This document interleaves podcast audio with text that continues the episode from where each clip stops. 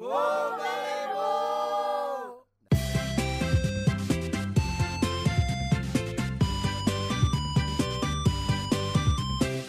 balik lagi di Kelontong Podcast bareng gue Andri, Melin, Dito, dan Kio. Hari ini Bang Gibran lagi nggak bisa datang nih, soalnya lagi ngurusin suntik ayam. Oke. Episode kali ini tuh kita bakal ngebahas apa sih, Kak? Kayaknya masih nyambung dengan kemarin gak sih episode pertama Hmm. yang berhubungan dengan dunia kerja. Wow. cannot relate. Nah, kemarin kan kita udah ngebahas tentang gimana caranya kita ngebuat CV, ngebuat uh, gimana caranya kita buat ujian interview ya, Kak ya. Enggak ujian coy. Oh iya. Apa? Ulangan, ulangan. ujian interview E Eptanas, Eptanas. Oke. Terus Ndri apa Ndri? Jadi apa ya bang kedua? Biasanya habis habis habis uj- habis ujian, biasanya habis interview ngapain, Kak? Eh, setahu setahu gue ya abis interview itu kita akan kalau memang si usernya udah oke akan lanjut ke tahap berikutnya adalah sign kontrak kerja. Hmm. Nah ini hal-hal yang duit ini. yang Oh, biasanya sering orang eh, lupain tentang membaca pen- seberapa penting, Penting. membaca kontrak kerja. Kali ini kita membahas tentang eh, apa sih poin-poin penting yang harus diperhatikan Iya. saat kita sudah eh, Mau diterima, assign. mau assign eh, kontrak kerja dan hal-hal lainnya yang harus diperhatikan sebagai tenaga kerja. Oh, oke. Oke, kita Coba. panggilkan. Kak Steffi. Steffi, Yuli, Natali. Kan nggak boleh tadi kan. Oh ya harus kayak. Nggak boleh tua panjang tadi kan. Oke, kita panggilkan Tadi nggak mau. Kak Steph. Steffi. Yeay. Halo, halo, Kak, halo, Kak, halo, halo. Hello, aku dijebak. Bentar dia hellonya nggak semangat gitu coy. Iya, coba. coba. kita ulang. Kita panggilkan Kak Steffi. Udah semangat belum ya? Udah ya, capek. Hai Kak Steffi. Hello, Kamelin yang berhasil menjadi saya membohongi dan membodohi orang-orang. Wah, jangan gitu dong ini dengar kayak ramai loh ini. Iya. tinggal dikat Tinggal. Masih lupa kerja saya Oke. Kak, eh, coba Punya sini kabar dulu dong. dulu. Oh iya, ya ampun, benar. Ya. Allah. Udah kenal emang sama Kak Steffi? Oh, kita tadi Kenalan udah dulu. kenal. Oh, udah. Eh, for your information, kita ulang tahunnya di hari yang sama, eh, di tanggal yang sama ya. iya, sama banget nih. for youth For you. Oke. Kak, apa kabar kak? Ah, baik, baik. Apa kabar semuanya? Yo, iya, baik kita kak. Kok agak garing ya? Kok garing ya? Kita langsung merasa hina gitu berhadapan sama Tepo ya. Oke, Tat.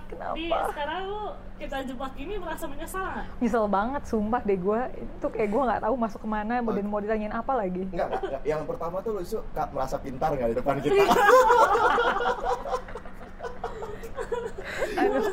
Maka Saya speechless jawabnya apa nggak tahu. Udah merasa sukses? kalau sudah kan kita penuh kegagalan. Yes, jadi setelah ini setelah ini. setelah ada lagi. setelah Oke, ada oke. Tepoy ngomong ya. Oke. Oke, jadi kita mau ngapain sih, Dri? Kita ngundang Tepoy ke sini tuh tujuannya apa nih? Ya, mohon maaf, Cime kan tadi udah jelasin ya di Oh, awal. udah ya. Grogi ya Kak Melin. Oke. Ya, jadi karena tadi kita udah sempat eh, ngebahas episode yang kemarin tentang dunia kerja.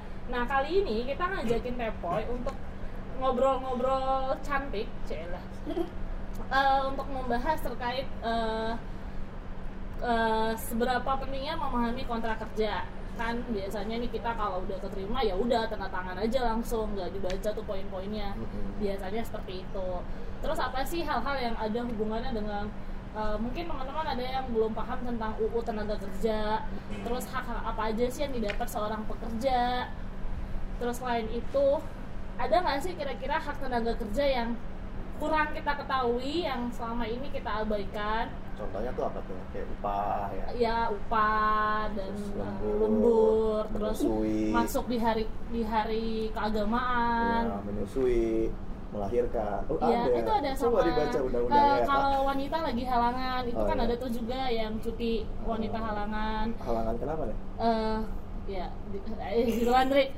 Oke, oke. terus sama mungkin kayak misalnya ada pelanggaran penang- pelanggaran hak kerja nih langkah apa yang harus dilakuin Iya, harus ngadu betul. ke mana harus bagaimana ya gitu gitulah nah ini tuh yang jagonya tuh tepoy Yes. Oh my macam-macam kita ini tuh cuma taunya ya Taunya, gitu doang kalau kita ngadu ke rumah Uya biasanya kena. Oh, bukan. Satu lagi gue. gitu Oke. gitu tepoy Oh my god, ini asli dijebak banget nih gue. Oke.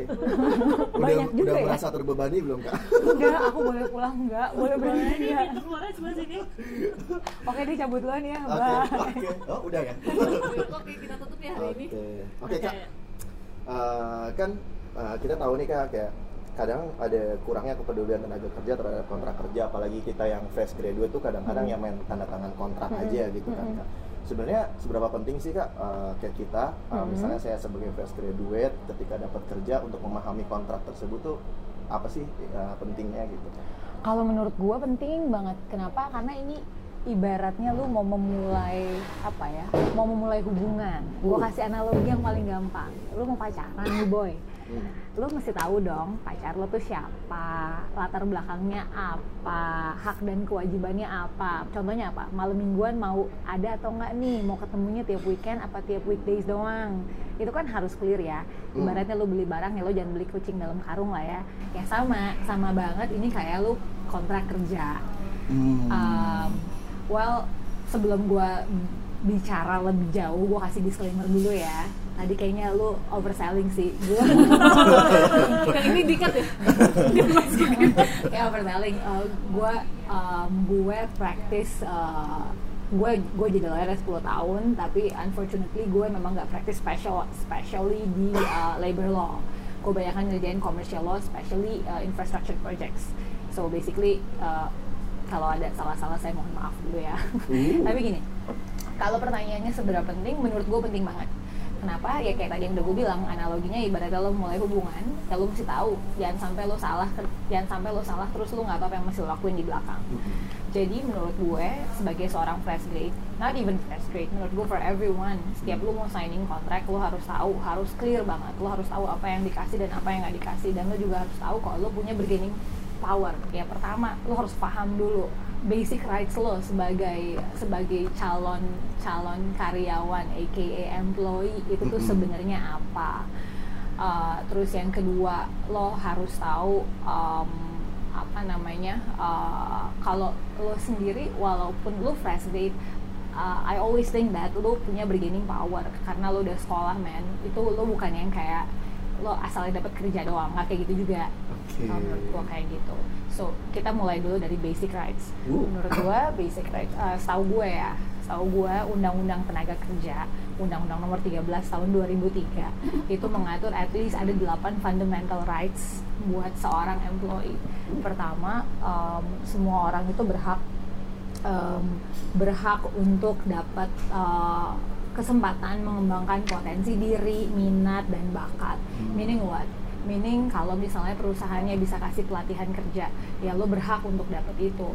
So basically lu jangan takut untuk minta just asking aja atasan lo ya tapi maksudnya lo juga harus ngerti jangan sampai lo nggak Hmm. perform then you ask for a lot of things yang kayak gitu juga kan tapi basically lo bisa minta itu terus yang kedua uh, kita bisa dapat uh, jaminan pemeliharaan kesehatan jaminan um, hari tua terus jaminan kematian dan jaminan kecelakaan kerja atau AKA sekarang BPJS ya kalau dulu kan jam sostek itu sebenarnya setiap perusahaan uh, harus provide itu Uh, if I'm not if I'm not mistake itu sekitar 2% perusahaan harus bayar.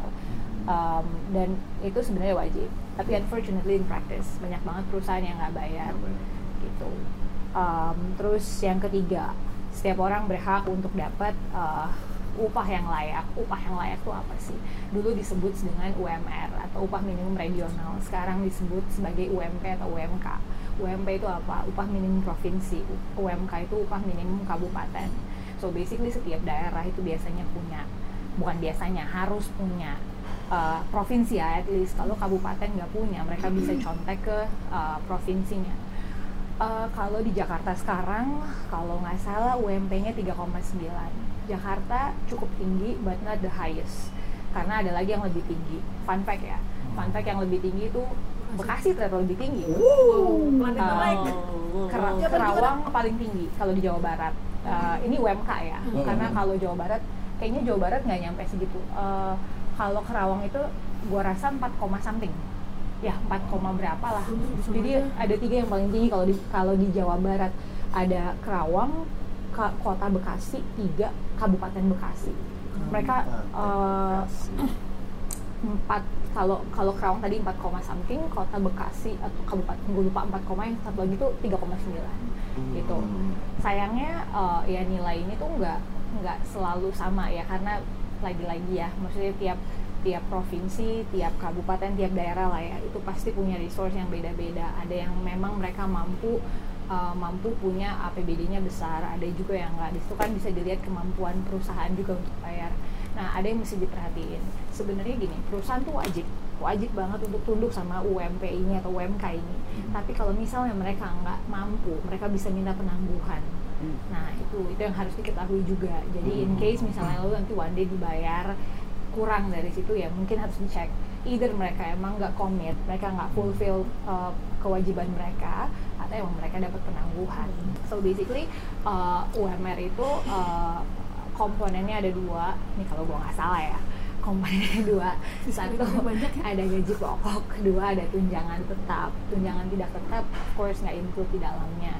Uh, gaji, uh, apa namanya kalau gaji upah pokok atau gaji pokok tuh dihitungnya 75% sedangkan kalau si tunjangan tetap ini 25% jadi lo juga harus paham gitu cara ngitungnya karena nggak ya tiap perusahaan mungkin punya punya kebijakan yang beda-beda. Ada yang mungkin mampu ngambil uh, besar gitu ada juga yang nggak. Tapi yang pasti mereka emang harus harus fulfill that requirement unless mereka tadi mereka minta penangguhan terus hak berikutnya eh, hak berikutnya adalah hak untuk dapat libur cuti beristirahat eh, terus memperoleh batasan waktu kerja. Hak libur ya of course eh, kalau ada tanggal merah ya lo berhak libur. Kecuali untuk pekerja pekerja di tempat tertentu. Contoh kalau lo eh, adalah seorang pekerja di eh, apa namanya di oil and gas services. Misalnya mereka lo di apa di di tengah laut gitu di rig ya lo course nggak mungkin kan? Karena ya itu kan itu kan core bisnisnya jadi mereka harus 24 hours a day. Ya jadi lo mungkin nggak ya mungkin dapat pengecualian untuk perusahaan itu. Tapi other than that other than perusahaan-perusahaan yang dapat pembatasan atau pengecualian sorry pengecualian ini ya semuanya sebenarnya sebenarnya ya ideally ideally harus tunduk. Itu terus kalau uh, cuti setahun ya beragam variasinya minimal 12 sa- 12 hari setahun tapi ada juga yang bisa lebih. Uh, terus uh, kalau misalnya libur libur pemilu libur tanggal merah Mhm. ya tentunya dan libur keagamaan ya harusnya uh, bukan harus itu kewajiban untuk mendapatkan hak-hak tersebut. Terus ini ada isu yang menarik di mana kalau soal lo harus bekerja lebih dari jam bekerja yang diharuskan sebenarnya berapa sih jam kerja itu yang yang wajib berdasarkan peraturan? Ada dua opsi. Opsi pertama uh, lo harus kerja uh, 7 jam sehari selama uh, 6 hari kerja. Atau opsi kedua lo harus bekerja selama 8 jam sehari uh, selama lima dalam lima hari dalam seminggu sorry. Jadi ya uh, itu sebenarnya minimum bukan minimum ya ya itu jam kerja yang diatur sama peraturan. Pertanyaannya gimana sih kalau lo diminta lembur? Nih misalnya lo anak baru terus udah gitu lo dipaksa sama senior lo eh lembur dong lo masa ngerjain gini aja lama? Gue punya kerjaan yang banyak nih buat lo. Apa sih yang mesti lo lakuin? Ya ada dua nih boy. Menurut gue satu sebenarnya lo berhak untuk dapat lembur ya kedua ya mungkin kadang-kadang kita harus mikirnya juga jangka panjang sih. Kalau emang lo nggak dapet lembur ya anggap aja investment buat lo ke depan. Tapi kembali ke lembur ya. Ya. Ya, sih kata lembur itu sebenarnya hak tapi ya in practice lagi-lagi ya. Hmm. memang banyak ya di dunia ini memang banyak hal yang nggak ideal sih menurut gue kayak gue gue ngomong ini aja ya maksudnya uh, ya faktanya aja faktanya adalah tidak semua perusahaan menerapkan pembayaran lembur tersebut. Ya sebenarnya emang harusnya sih ada lembur tapi in practice emang ya tadi perusahaan tuh belum tentu semuanya menjalankan kewajibannya secara ideal.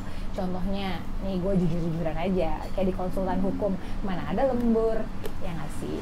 Lembur lembur tuh hanya untuk supporting staff. Tapi di beberapa consulting yang lain ada. Mungkin kayak konsultan bisnis kadang-kadang ada kayak gitu. Terus uh, ya tapi itu itu harus tahu sih at least lu harus cek pada saat lu uh, pada saat lu uh, tanda tangan perjanjian kerja lo, lo harus tahu apakah lo berhak untuk mendapatkan itu atau tidak. Terus abis itu hak berikutnya adalah hak untuk membentuk serikat kerja. Terus uh, hak berikutnya lagi adalah untuk melakukan aksi mogok kerja. Tapi lo harus notify at least tujuh hari sebelumnya ya. Terus uh, ini Masuk Ada That's a good ya? masuk Masuknya itu ya? masuk hak itu Oh, basic rights sebenarnya Iya. gitu. Tuh, terus ada dua hak lagi. Eh, eh sorry, sorry, dua hak lagi yaitu yang eh, hak berikutnya ini penting banget buat cewek-cewek. Satu, Hmm. lu berhak sebenarnya nih ya undang-undang clearly stating bahwa lo punya hak buat nggak masuk kantor di hari pertama dan hari kedua lo high. Oh, Jadi wow. cewek-cewek coba ya harus dengar. Gue lupa pasal berapa tapi. Terus uh, abis itu ya of course kalau lo hamil melahirkan lo dapat lo lo berhak untuk cuti. Terus kalau lo keguguran juga berhak Dapat. untuk cuti. Uh, terus abis itu uh, buat jam kerja sebenarnya ada ada pembatasan jam kerja perempuan itu uh, nggak boleh kerja dari jam 11 malam sampai jam 7 pagi. Ini harusnya buat gue ya. Iya. Lu kerja banyak. Benar deh. Kayaknya ada dua orang yang ditampar ini. Benar deh kak, itu bukannya yang untuk di bawah 18 tahun ya? Yes. Ih pinter banget ya ampun ini aku. Adik aku. Iya. Cepupu. Pinter banget udah baca ya tadi. Terus uh, ya Biar itu terkesan ya. Misalkan. itu pembatas apa itu uh, emang cuma berlaku buat yang di bawah 18 tahun. Oke, terus hak terakhir uh, ini juga penting uh, ya kita nanti bisa bahas lebih jauh atau ya lo udah bisa baca lebih jauh hak kalau kalau di PHK. Oke. ya itu ada ada beberapa hak yang lo harus tahu. Satu lo uh, dapat berhak dapat pesangon. Dua dapat uang penggantian. Uh, terus udah gitu ada uang pisah juga. Ini yang suka jadi isu. Oh ya buat yang pekerja kontrak ini juga penting untuk diketahui. Once lo jadi pekerja kontrak sayangnya lo tidak berhak untuk mendapatkan pesangon gitu. Karena kenapa karena memang filosofinya ya pekerja kontrak itu kan bukan pekerja kontrak ya. Tadi yang PKWTT PKWT kalau PKWT pekerja eh, sorry perjanjian kerja waktu tertentu memang itu filosofinya memang cuma buat waktu tertentu aja. Jadi perusahaan juga mungkin nggak ekspektasi dia akan memelihara account lo sampai selama lamanya dan why Hmm. ada hak-hak yang mungkin sorry ada kewajiban yang nggak perlu dilakukan oleh perusahaan. Tapi yang harus diingat misalnya gini lo dikontrak lo dikontrak eh, kan ada maksimalnya ya. Maksimalnya itu tiga tahun. Jadi lo dapat eh, lo lo boleh dikontrak dulu dua tahun habis lo di boleh diperbaharui selama satu kali.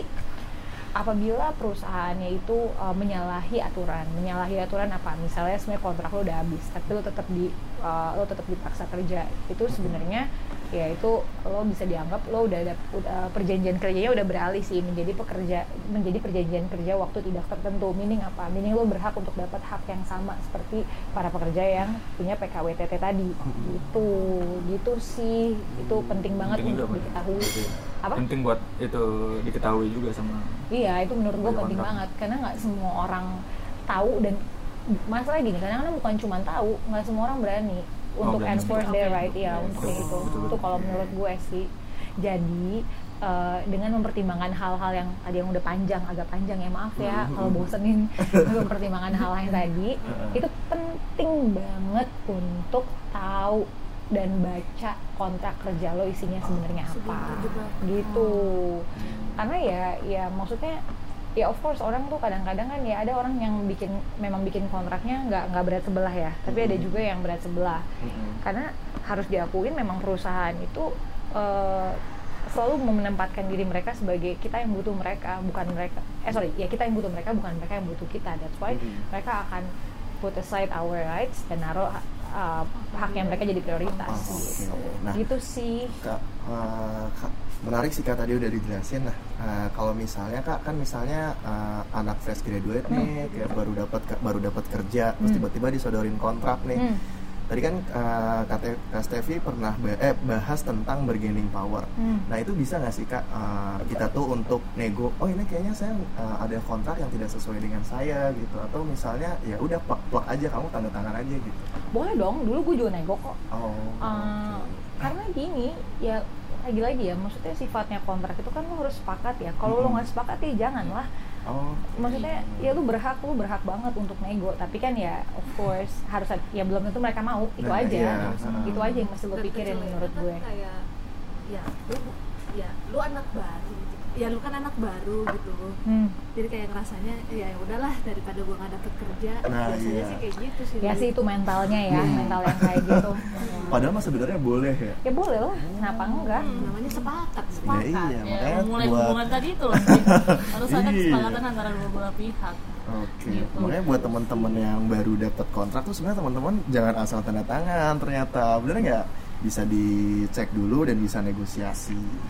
Tapi eh, kembali ke yang tadi Tepoy bahas terkait yang wanita. Aduh apa yang nih? haid tadi itu. Tapi itu bener loh. Soalnya dulu di tempat gua kerja itu di di hari pertama haid itu kan harusnya gua dapat cuti ya pak ya? Hmm, hmm.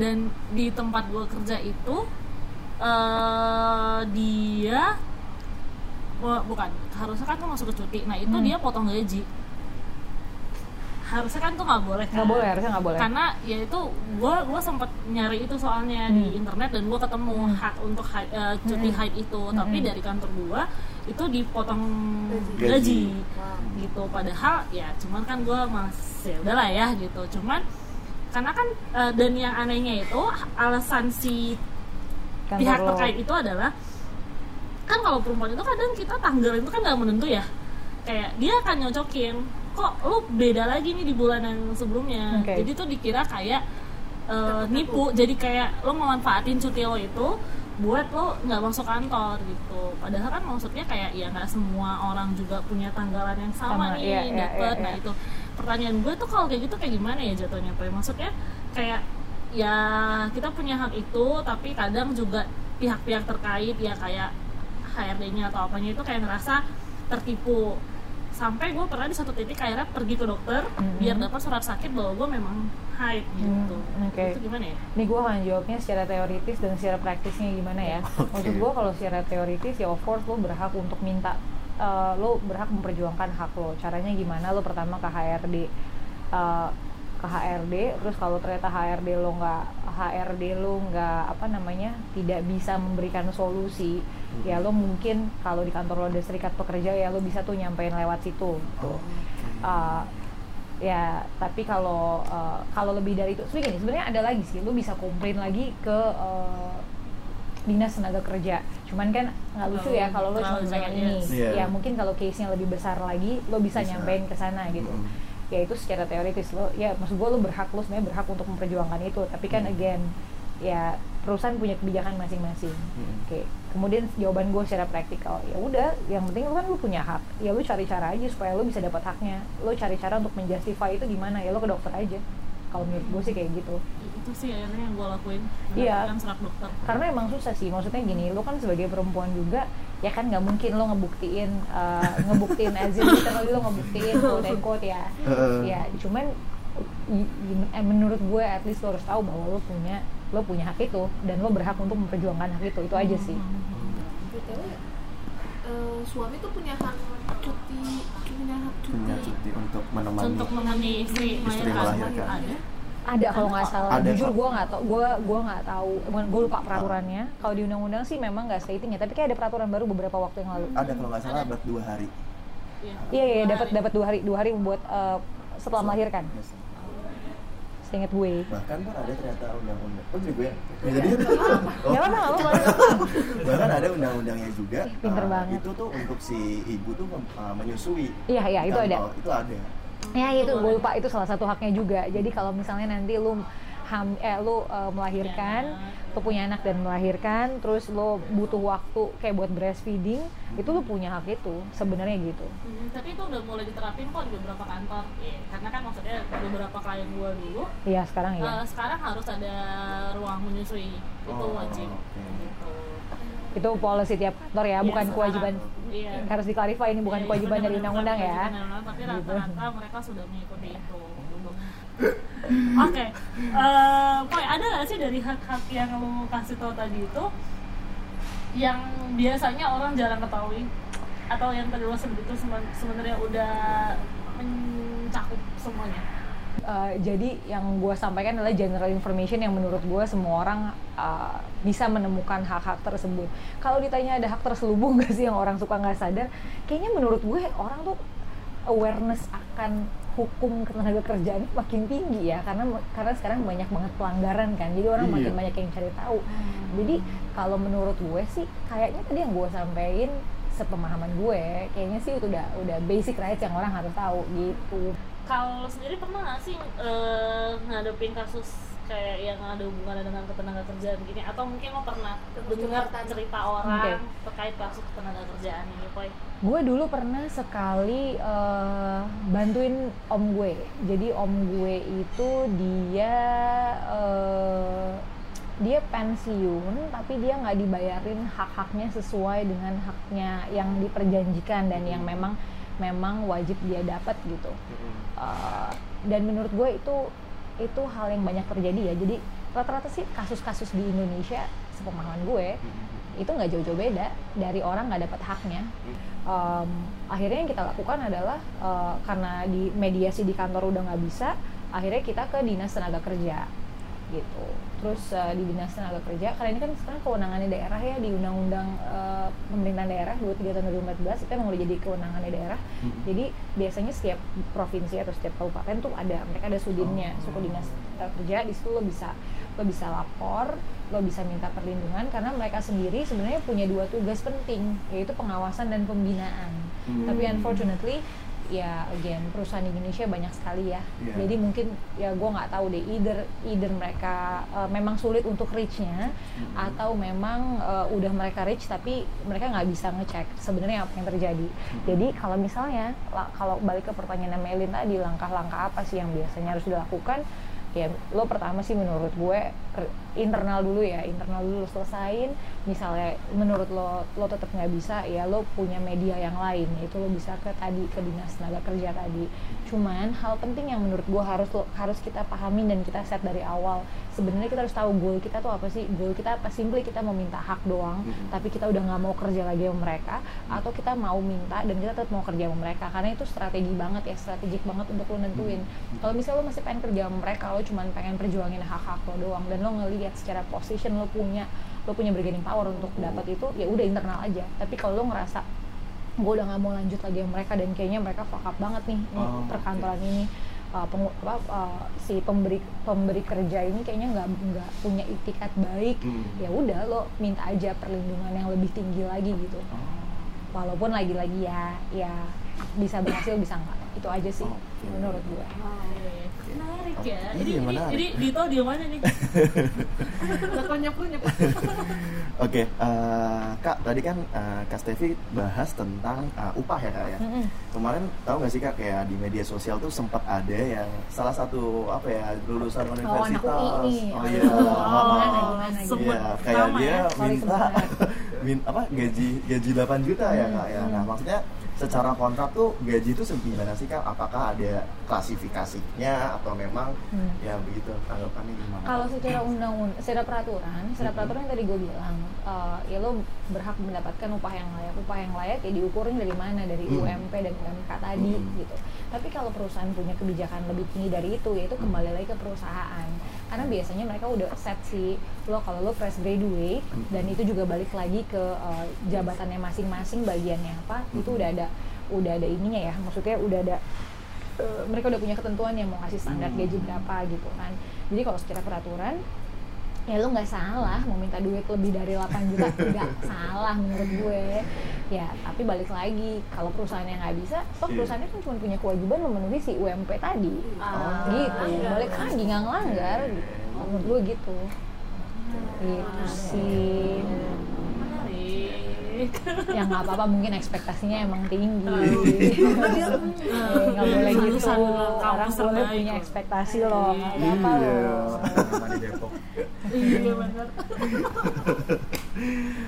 gitu Terus Gitu. Apalagi Dre, ini kayaknya lagi banyak pertanyaan. Oh iya, itu kan tadi yang masuk ke perusahaan ya. Iya. banget Kalau yang freelance gimana ini? Apa Iya, iya. ada poin-poin penting nggak sih yang perlu diperhatiin? Mm-mm. Terkait ini, karena kan yang freelance nih macam-macam Kyo, Dito. Melin nggak Eh, iya saya juga. nah itu tuh apa sih harus kita perhatiin? Maksudnya seberapa bukan seberapa penting sih apa aja harus kita perhatiin Hmm. terus misalnya Hmm. kayak kontrak kerja dengan klien kan pasti ada tuh apa sih Hmm. poin-poin yang harus Hmm. kita perhatikan Hmm. gitu Oke, freelance itu sendiri sebenarnya udah diatur sih. Ada satu ada satu keputusan menteri eh, gue lupa. Kalau nggak salah nomor 100 tahun 2004 ya lo bisa googling lo bisa baca di situ. Eh, itu emang ada memang disebutin pekerja harian lepas ya freelance. Eh, memang diklasifikasikan itu under pe- perjanjian kerja waktu tertentu tadi gitu. Jadi sebenarnya ya hak lo ya mirroring ke situ gitu aja sih. Eh, memang ya of course beda ya. Of course beda sama pekerja yang uh, tidak tidak diberikan jangka waktu untuk bekerjanya gitu. Kan kalau sebagai freelance pasti ada limitation waktunya kontrak-kontraknya juga. Cuman satu yang harus diketahui kalau berdasarkan peraturan itu ada ketentuan bahwa uh, sebagai seorang freelance lo tuh harus uh, kontrak kerjanya itu bekerja kalau sorry sorry kalau lo bekerja lebih dari 21 hari selama tiga bulan berturut-turut ya maka uh, itu udah bukan kontrak freelance lagi automatically lo menjadi uh, perjanjian kerja waktu tidak tertentu yang tadi udah bahas. Gitu. jadi hak-hak lo pasti juga beralih. Itu sih yang paling penting. Kan bedanya gini kalau 21 hari lebih dari tiga bulan berturut-turut ya udah. Berarti itu udah bukan freelance eh, bukan PKWT lagi tapi berubah jadi PKWTT dan lo berhak jadinya untuk minta hal-hal yang lebih gitu itu sih maksudnya ke kliennya itu kan Iya, ke, ke pemberi kerja lo. Pemberi Karena kan kerja. lo kan setiap lo setiap lo melakukan suatu pekerjaan tentunya kan ada pemberi kerja ada ada pekerjanya kan. Iya, betul. Nah, eh, ya dalam kontrak lo lo harus cek, lo harus cek dulu Hmm. apa aja sih sebenarnya lo, lo harus cek. Kalau undang-undang sih sebenarnya standar. Kalau soal si freelance ya, Hmm. satu siapa sih pemberi kerjanya, dua alamat pemberi kerjanya, tiga jenis pekerjaannya Hmm. apa, tiga besaran upahnya, eh, empat besaran upahnya. Nah, eh, lebih dari itu sih sebenarnya berdasarkan kesepakatan empat pihak. Tapi yang pasti harus ada itu dulu gitu. Nah, em, lagi-lagi yang kayak tadi gue udah bilang di awal, ya lo sebagai pekerja ya of course lo punya bargaining power sebagai karena lo bisa minta apa aja dan lo Yeah. bisa tulis di situ sepanjang disepakatin. Hmm. Itu sih cuman harus eh, harus ingat yang tadi sih. Eh, ya at least dalam kontrak lo tuh ada harus ada lo tuh jangka waktu kerja lo berapa lama, Ah. upah lo berapa itu harus ada. jangka waktu sih Itu penting. Apa? Boleh dong. Eh, Kalau gue bisa jawab ya. Iya, misalkan nih kayak eh, kliennya gitu. Hmm.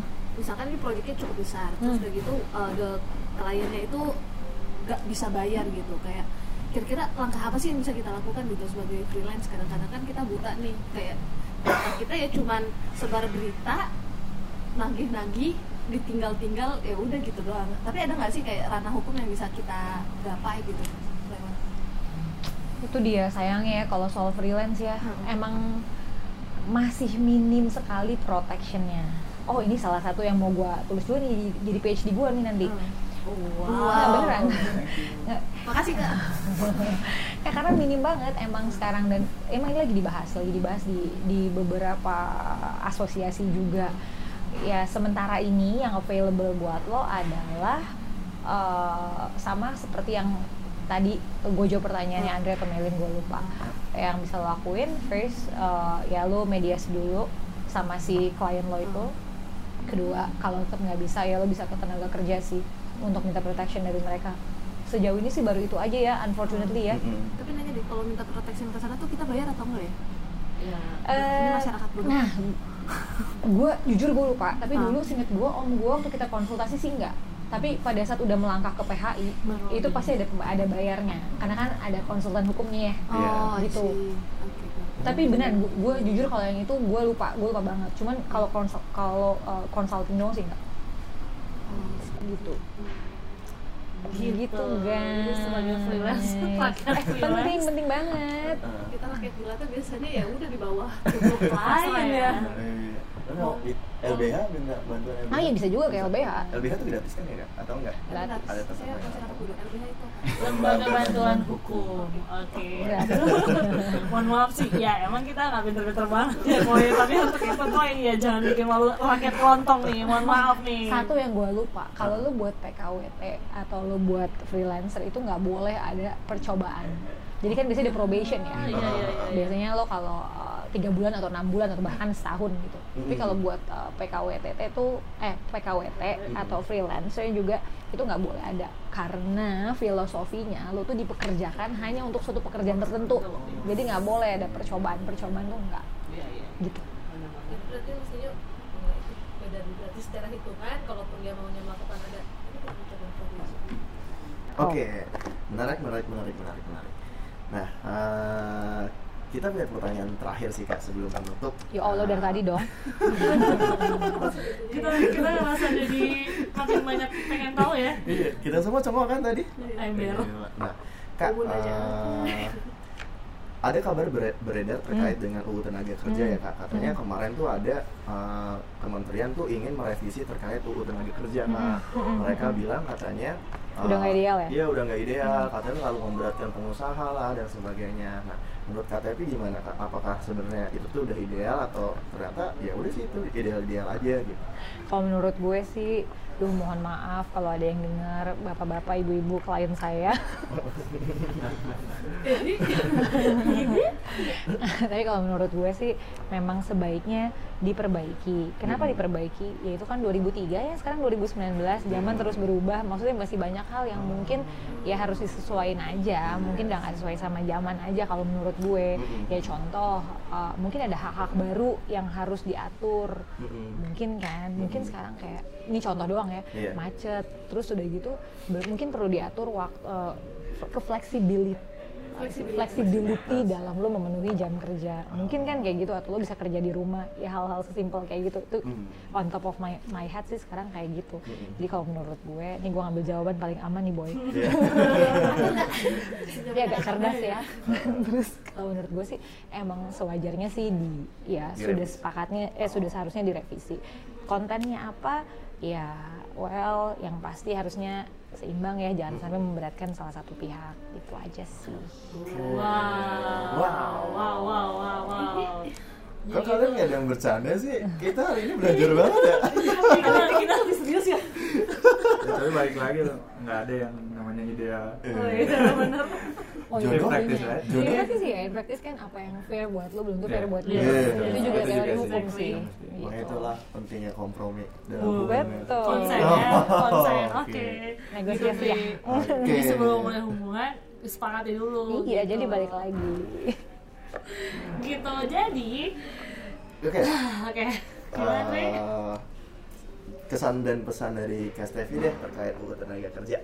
Ah, mungkin itu kali sih. Eh, bukan ya? bukan untuk tenaga kerja Berat mungkin banget, kayak pesan dan pesan apa sih yang harus Oh, diperhatiin iya. saat orang Audiens, iya untuk, untuk untuk para pemirsa budiman.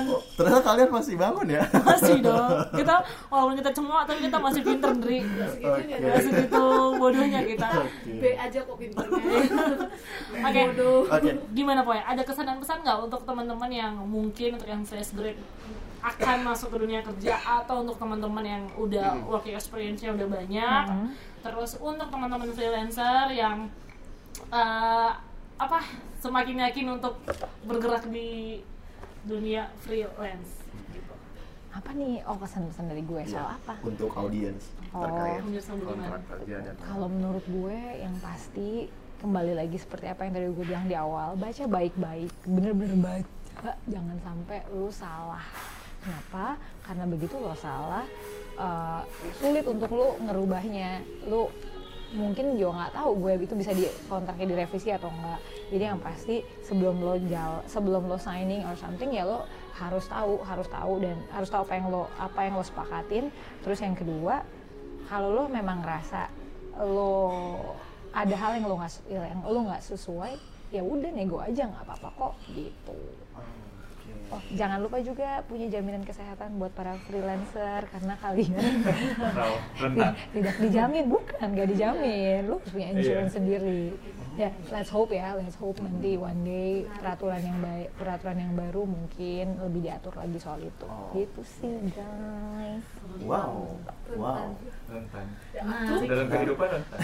kayak kayak kemarin gue sakit deh jebol Oke, balik lagi. Jadi gitu teman-teman, begitu pentingnya untuk memahami Kontrak kerja. kontrak kerja. Hmm, kita jangan asal kayak tanda tangan aja. jangan nggak boleh aduh Oke, Perlu dibaca. Baca. Kalau bisa diterawang, diraba siapa yang dapat kontrak kerjanya Oke. Oke, jadi gitu. Wah, nih kayaknya eh, episode kedua kelontong udah berat banget gitu ya, tuh ya. aku meleduk pala gue Iya. Oke. Kali ini kita cemas semua ya. Kayak kita merasa kita ngapain aja di dunia ini. Banyak hal yang kita ketahui. Banyak. You don't nothing, Jon Snow. Oh my god, You don't know nothing, Jon Snow. Oke, eh, seki- eh, mungkin itu aja kali ya eh, hari ini untuk episode hari ini eh, tentang kontrak kerja. Eh, next episode kita akan ngebahas masih dalam dunia kerja karena dalam sebulan ini tema kita tentang dunia pekerja, dunia kerja. Oke, eh, see you Eh, Another eh, Tuesday. Ya, ya. minggu Kita depan. ketemu minggu depan di hari Selasa. Eh, Bye-bye. gue Andre, Cimek, Dito dan Kyo cabut. Bye bye. Bye. Bye. Eh, Kak Stevi juga cabut. Bye bye.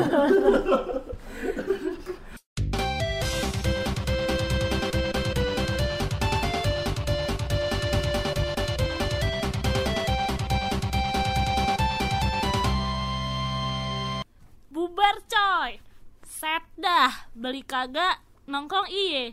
Jangan lupa cek bacotan kita berikutnya ye.